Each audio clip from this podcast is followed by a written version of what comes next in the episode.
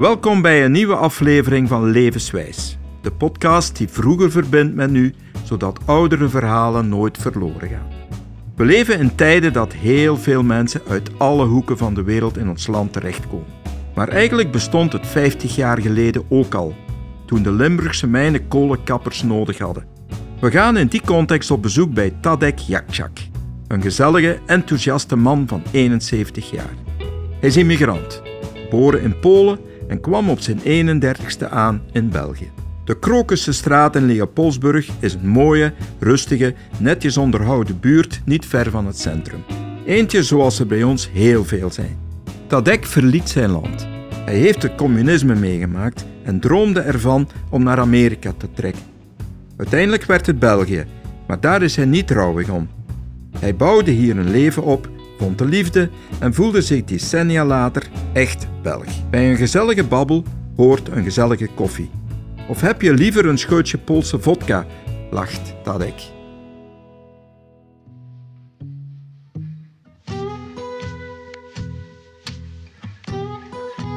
Tadek is geboren in Polen, midden in de Koude Oorlog tussen het Oostblok en het Westen.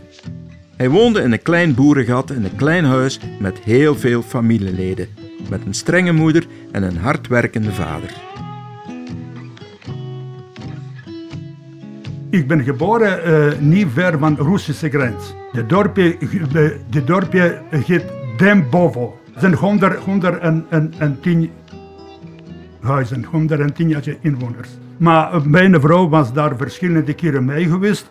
Dat is natuurlijk dorpje, zo'n oude dorpje. Nu is daar, daar zijn wat mooier huisjes, maar dat waren vroeger gewone huisjes. Dat mijn vrouw noemt dat Bokrijk. Ah ja. Oh, we gaan naar Bokrijk. Zo, dus dat was altijd zo'n klein beetje, ja. Het was een gezellig dorpje. Nog. Jawel, jawel. Ja, maar ja, dat was een winkeltje toen we waren, verschillende keren. Ik denk nu nog altijd. Ja, verschillende jaren ben ik daar niet geweest. En had je broers en zussen? Dat heb ik nog, dat heb ik nog één broer en drie zussen. Ja. Ah ja. En je vader, wat deed hij eigenlijk als beroep? Vader, vader, was, vader was een aannemer, die was een uh, graag werkende mens, zoals ik natuurlijk. Vroeg gestorven, omdat ik denk dat, dat, dat ja, door, die, door die omstandigheden van die mensen, hoe die leven, hoe die eten, daar, uh, ja, natuurlijk altijd was niet, niet, niet genoeg eten. En 54 jaar was die oud en die stierf naar hart en vark. Ah ja. En uh, je moeder? En moeder is gestorven 2003. Ah ja. En uh, zij was huisvrouw, denk ik zo? Wat blieft? Was zij huisvrouw? Ja, mama was een huisvrouw, ja.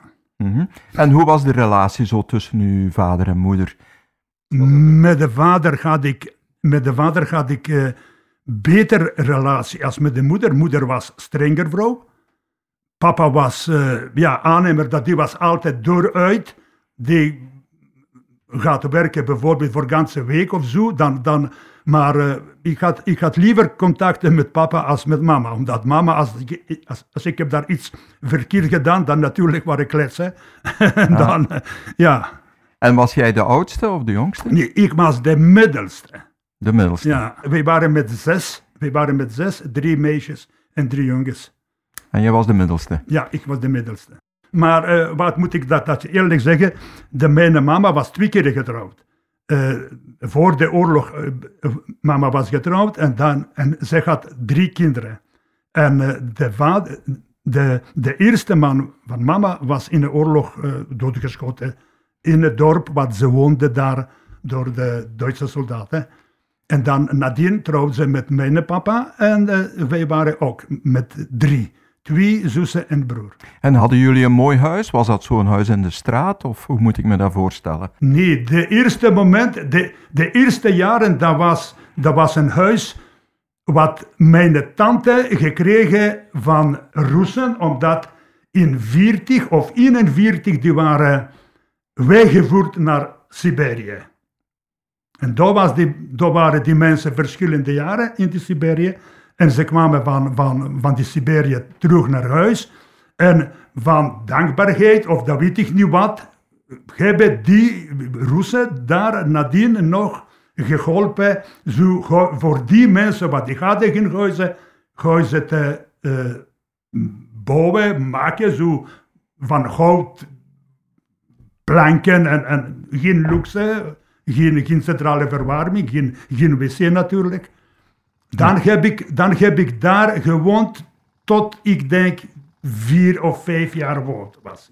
En was de straat, was dat een asfaltstraat? Nee, nee, nee, nee, nee, nee, dat was geen asfaltstraat. Dat was, dat was gewoon een dorpje. Als je soms ziet dan ergens reportage van Rusland of, of, of zelf Polen, dan is dat, ja...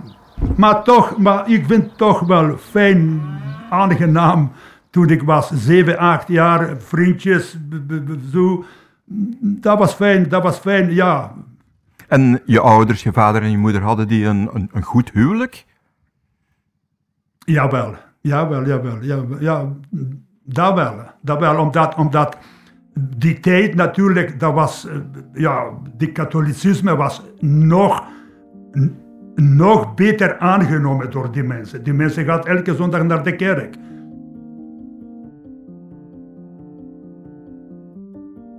Als je bent opgegroeid in een westers land zoals België, is het moeilijk om je in te beelden hoe het leven eraan toe ging in een communistisch land. Het was de politiek die alles bepaalde, dus van vrijheid was geen sprake. Voor de meesten was dit een donkere tijd. Mensen waren arm, leden honger en leefden in ellende. Dat was voor Tadek niet anders. Zo moest hij zijn droom om te gaan studeren snel opbergen die tijd toen ik nog jong, dan niet alleen Polen, maar Roemenië, Tsjechië, Polen, Oost-Duitsland, die waren altijd onder de druk van Rusland. Dus die druk was wel, voor de kinderen was dat niet zo merkbaar, omdat ja, de kinderen, die merken dan niet veel van wat, wat, wat betekent die druk. Maar voor volwassen mensen, die, dat, dat wel, dat was dat wel... Uh, ja. En hoe ver was de Russische grens van bij jullie? Van ons dorp was ik denk 160 tot 170 kilometer. Ah ja. ja. En Polen was toen echt communistisch natuurlijk. Wat betekende dat eigenlijk voor het leven van elke dag? Hadden jullie genoeg eten? Nee. Nee, nee, nee, nee, nee, nee, eten niet. Maar uh, natuurlijk, voor ons zelf, dat was nog niet zo moeilijk. Omdat mijn papa was een aannemer, die uh, van het begin twee mensen in dienst. Achteraf gaat die meer mensen in dienst. Dan, nadien, mijn broer was groter geworden, dat hij ook met me gewerkt. Maar voor, ik ken mensen die hadden echt moeilijk met eten. Wij hadden nog, bij ons was nog, bij ons was nog redelijk, redelijk, redelijk goed. Ja. En had jij een kamer voor jezelf of sliep je samen met je zussen of je broers? Die huis, wat ik hem daar juist verteld, de eerste huis, wat, dat waren twee kamers, twee, drie, dat waren twee woonkamers. En dat was zo voorkamer dat van alles werd verzameld. Hè. En in de eerste kamer wat wij woonden, daar waren wij met acht zes kinderen, papa en mama. En aan de andere kant, daar waren we negen. Dat, dat, waren dat was nog tante, die was nog niet getrouwd. En uh, die tante die was in, in Siberië, die kwam met de kinderen. Dus wij waren met de grote bende in, in huis. En ja, ik vind dat wel prachtig, omdat samen, samen van alles kababen maken, zelf als dat, als dat koud was of of minder, minder brood of zoiets, maar toch, toch was fijn. Ja. En als je naar school ging, hoe ging dat? Naar school de voet. Daar speelt geen rol of dat regent of niet. En daar is altijd, van ons huis was een anderhalf kilometer. Wat voor kind was jij? Was jij een brave jongen? Of? Brave jongen moet ik zijn. Papa was altijd weg. Mama met zes kinderen dat was bij ons 3,5 hectare grond. Achteraf op de scheppen meer bijgekocht. Dus ik moet helpen. Uh, op, de, op de boerderij natuurlijk. Omdat, ja, de kinderen moeten, moeten ook iets doen. Hè. De kindertijd was een beetje moeilijk voor, voor de kinderen tegenover wat de kinderen nu hebben. Hè. Heb je mogen studeren? Ik mocht niet studeren omdat dat werken wat papa deed, dat was enorm goed. Uh, grond gekocht, dan nadien nog van de lasmachine gekocht, wat die nodig waren in, een, in een boerderij. Zo dus ik had wel ik voor te studeren, maar mama en papa zeggen, luister hier, dat gaat heel goed. Dus dan moet ik gaan met papa metsen. Zo dus ik, ik heb feitelijk niet veel kunnen studeren. Vluchtelingen zijn van alle tijden. Het is nu misschien een actueel thema, maar ook toen trokken mensen weg op zoek naar een beter leven. Als je miserie kent, zijn er weinig andere opties. Zo wilde Tadek naar Amerika, andere Polen achterna. Zijn vader vond die droom maar niets en dwong hem om te blijven.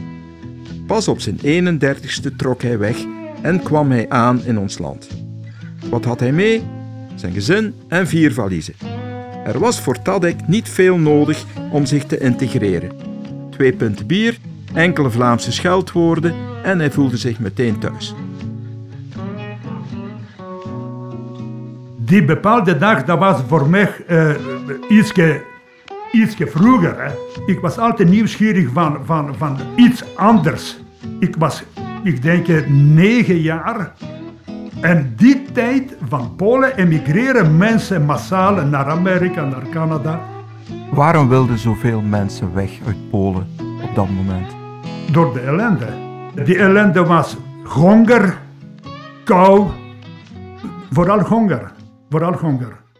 Dorpen, dorpen dat, is, dat zijn geen fabrieken, dat is, dat is geen... Uh, dat is werk alleen op de boerderijen en wat die produceren misschien wat iets verkopen af en toe, boter of, of eieren, wat, wat, wat, wat stukje vlees of zoiets. Maar van de rest, dat was door die situatie, economische situatie, mensen massaal geëmigreerd.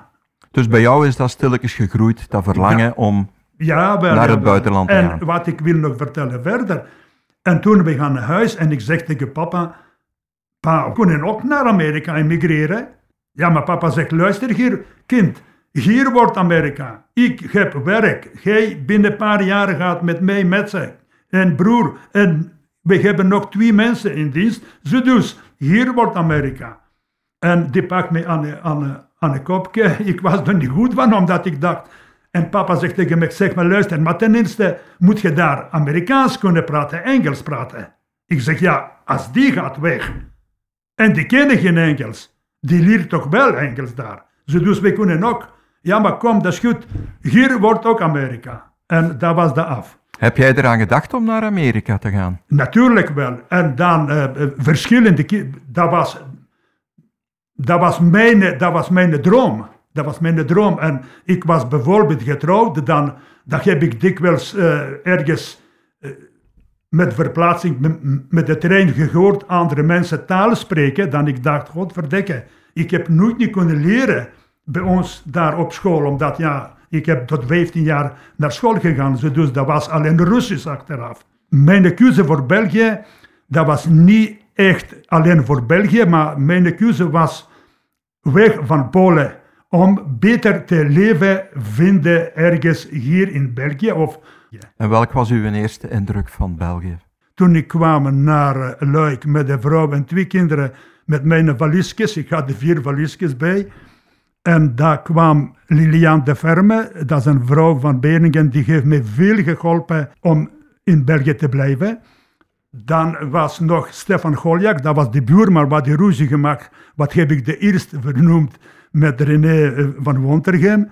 Die kwam erbij. En nog iemand, dat was een vrouw, die had een café in Beringen-Mijn, de Café de Leeuw. En zij had een camionetje en met die camionetje kwamen ons ophalen van uh, van station in Luik. En uh, ja, we, stappen uit de, uit de trein en uh, die mensen zien ons en die zwaaien naar ons en die zegt, toen ik kwam erbij, Stefan Goljak, omdat die spreekt een beetje Pools, een beetje Russisch, die zegt, hebben jullie dorst? Ik zeg, ja natuurlijk, we hebben dorst. Ja, dus Stefan zegt tegen Lilian de Ferme, Lilian, dan gaan we in drinken omdat die mensen hebben dorst. Oké, dat is goed. Dan gaan we naar de station. Wij mogen de plaats nemen en Stefan uh, zegt tegen Lilian, zeg Lilian, jij spreekt uh, perfect Frans, omdat uh, Lilian die spreekt goed Frans en Engels. En, Ze dus Lilian gevraagd de garçon en de garçon kwam naar ons en Stefan zegt, wat moet jij hebben? Ik zeg, ja, iets wat nat is. ja, die beginnen te lachen. Natuurlijk, Stefan zegt, Lilian, weet je wat, die mens heeft dorst. Dan moet je scotch bestellen voor die man. En de kindjes, ja, cola, nog cola, mijn vrouw koffie en zo. En oké, die garçon heeft dat gebracht. En we mogen dat drinken. Ik pak die scotch en uh, zomaar binnen. Die was direct leeg. En Stefan Goljak zegt tegen Lilian de Ferme, zeg, uh, weet je wat, die mens heeft wel dorst. Dan moeten we nog een bestellen. Nog een scotch. Ja, daar heb ik die twee scotch gedronken en mijn integratie was... Uh, ik was geïntegreerd met twee pinten bier.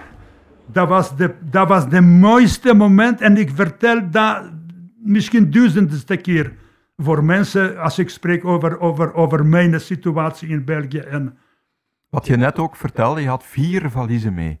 Ja, ik had vier valiezen van wat, alles mee. Wat zat daar allemaal in dan? Een klein beetje vodka, klein beetje Poolse worst, klein beetje gesp, klein beetje klieren, klein beetje cadeautjes.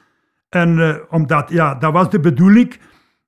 Als wij blijven, dan hebben wij iets voor iemand te schenken. En omdat, dat weet je niet, als je gaat, ja, met de bedoeling vluchten of blijven daar, dan, dan neem je van alles mee. Hè. En was de keuze vlug gemaakt?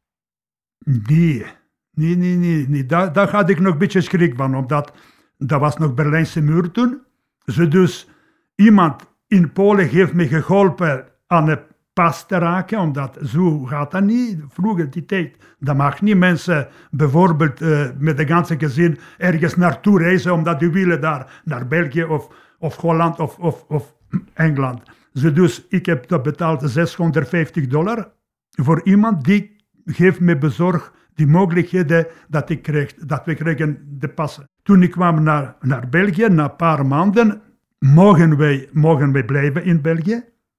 Mogen wij blijven in België. En die beslissing is gevallen na, ik denk, drie weken, omdat ik heb gezien dat mensen hier is, leven absoluut anders als, als daar bij ons. En waarom wilde je dan eventueel toch nog naar Amerika? Omdat na de eerste keer wat hebben wij de aanvraag ingediend, dat hebben wij antwoord gekregen dat wij mogen niet blijven omwille dat mijn uh, ex-vrouw gaat een familie in Frankrijk. Dus we hebben een brief gekregen dat wij mogen of naar Frankrijk emigreren of naar Amerika. Ik had familie in Amerika, dus ik dacht, ja, dan gaan we naar Amerika. Ik heb contact gehad daar, dus die hebben mij beloofd onmiddellijk werk, huis en van alles. Maar mijn vrouw zegt nee, ik ga niet. En wij hebben beslissing genomen opnieuw aanvraag in te dienen. Welk was het eerste Nederlandse woordje dat je geleerd hebt, ooit? Die ik denk vloeken. Ja? En weet je nog welk dat het was? Godverdomme. Was dat het eerste? Ja, omdat ik had een prachtig, prachtig buurman, uh, René van Wontergem. En uh, dat was uh, naast hem ook Stefan Goljak.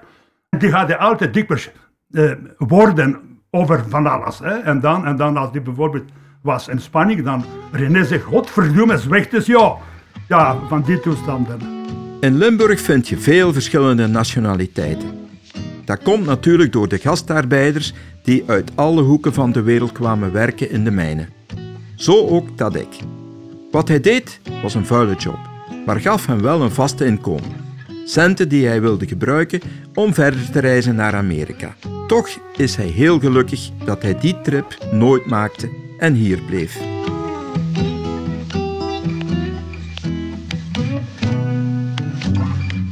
Dat was een moment, bijvoorbeeld toen was ik uh, alleen en uh, ik had soms moeilijk, een klein beetje zo met mijzelf moeilijk, omdat ja, ik had nog haar niet, ik was alleen.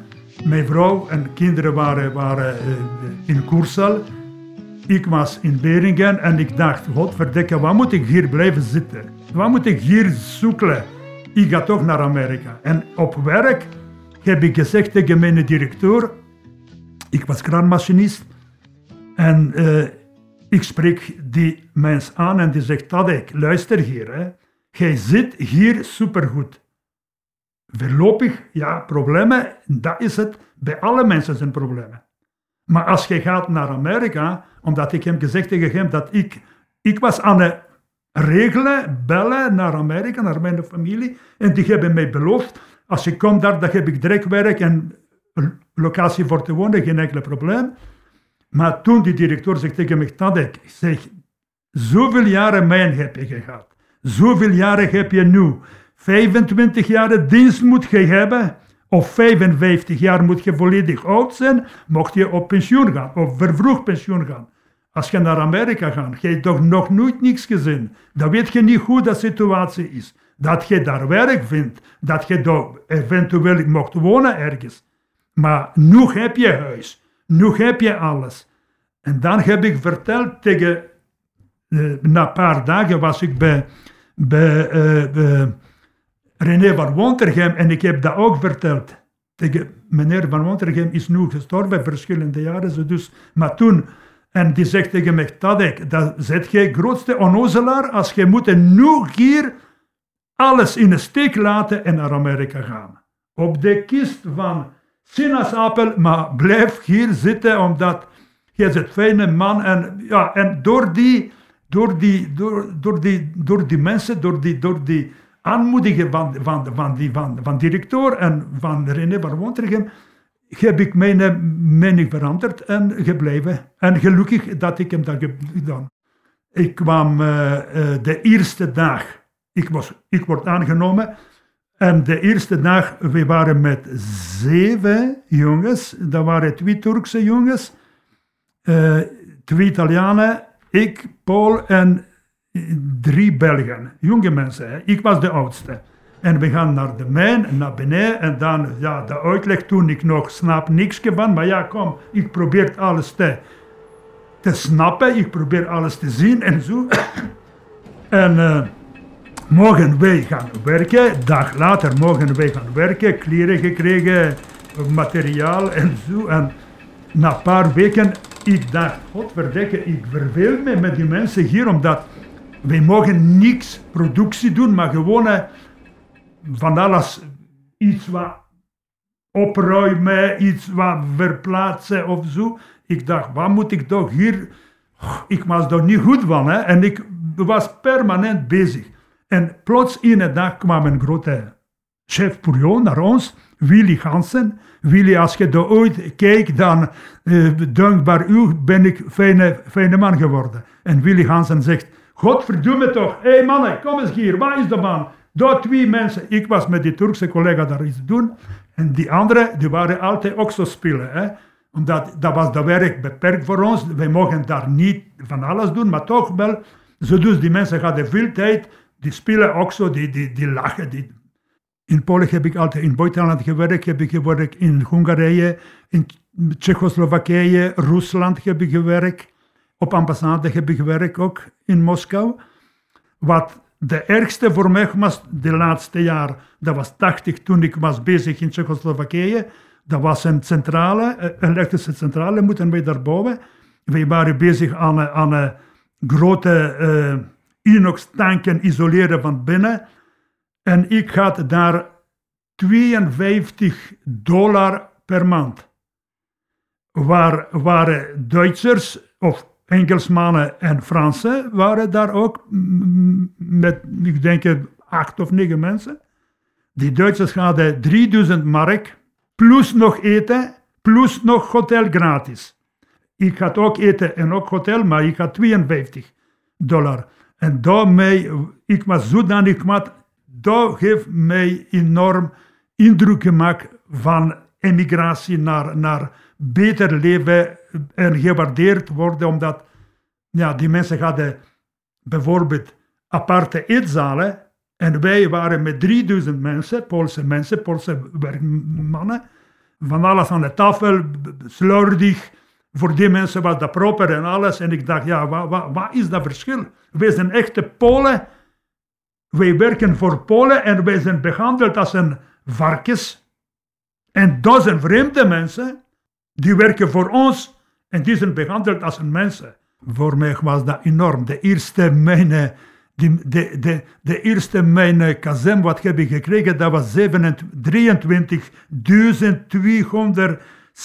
of zoiets frank heb ik gekregen. Ik heb dat omgerekend naar de Poolse geld. En uh, aan de tafel met mijn ex-vrouw, ik zeg, zeg maar, weet je wat? Als ik kan blijven nog hier werken, jaar of twee, drie, dan ga ik naar Polen met de hoop geld en daar bouwen wij een huis.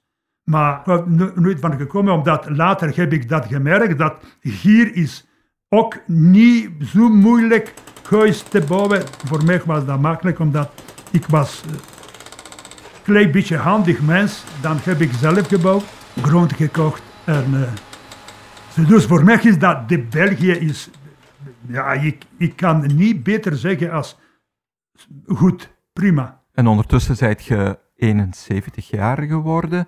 Hoe ziet jij je toekomst? Dat de kinderen, dat de kleinkinderen, dat wij terugkomen samen. Dus je hebt die lang niet meer gezien?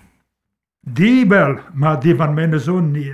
En gaat je nog regelmatig terug naar Polen? Vroeger, vroeger wel, maar van 2000, uh, 2013 was ik laatste keer voor mijn pensioen, omdat ik heb gewerkt daar en ik heb gekregen daar ook van mijn 13 jaar dienst in Polen heb ik gekregen 180 euro.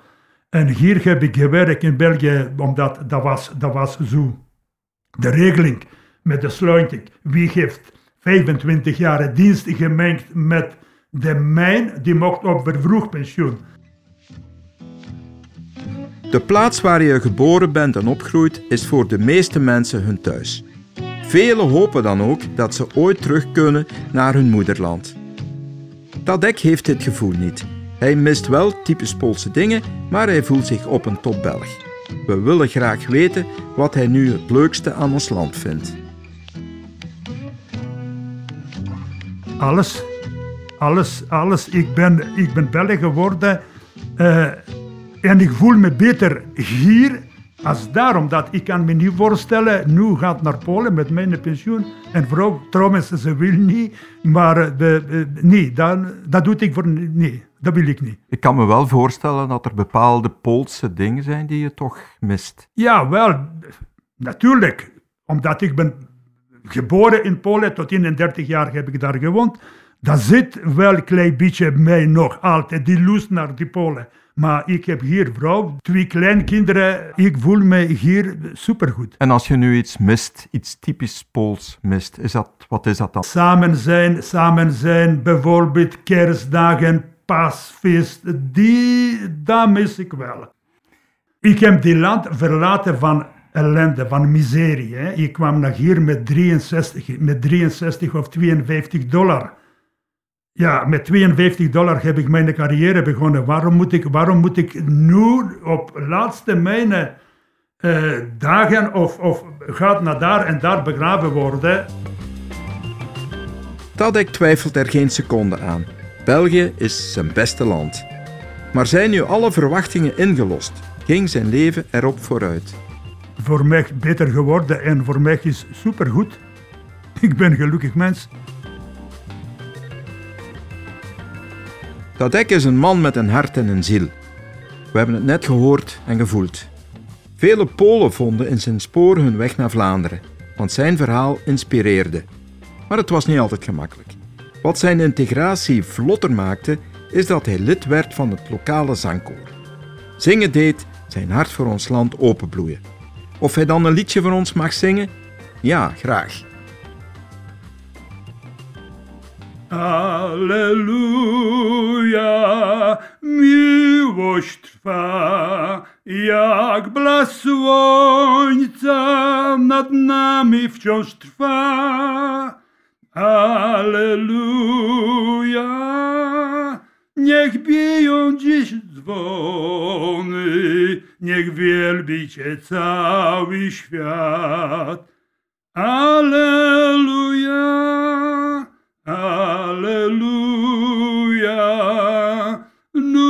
Nuci świat. Alleluja, miłości to znak. Alleluja,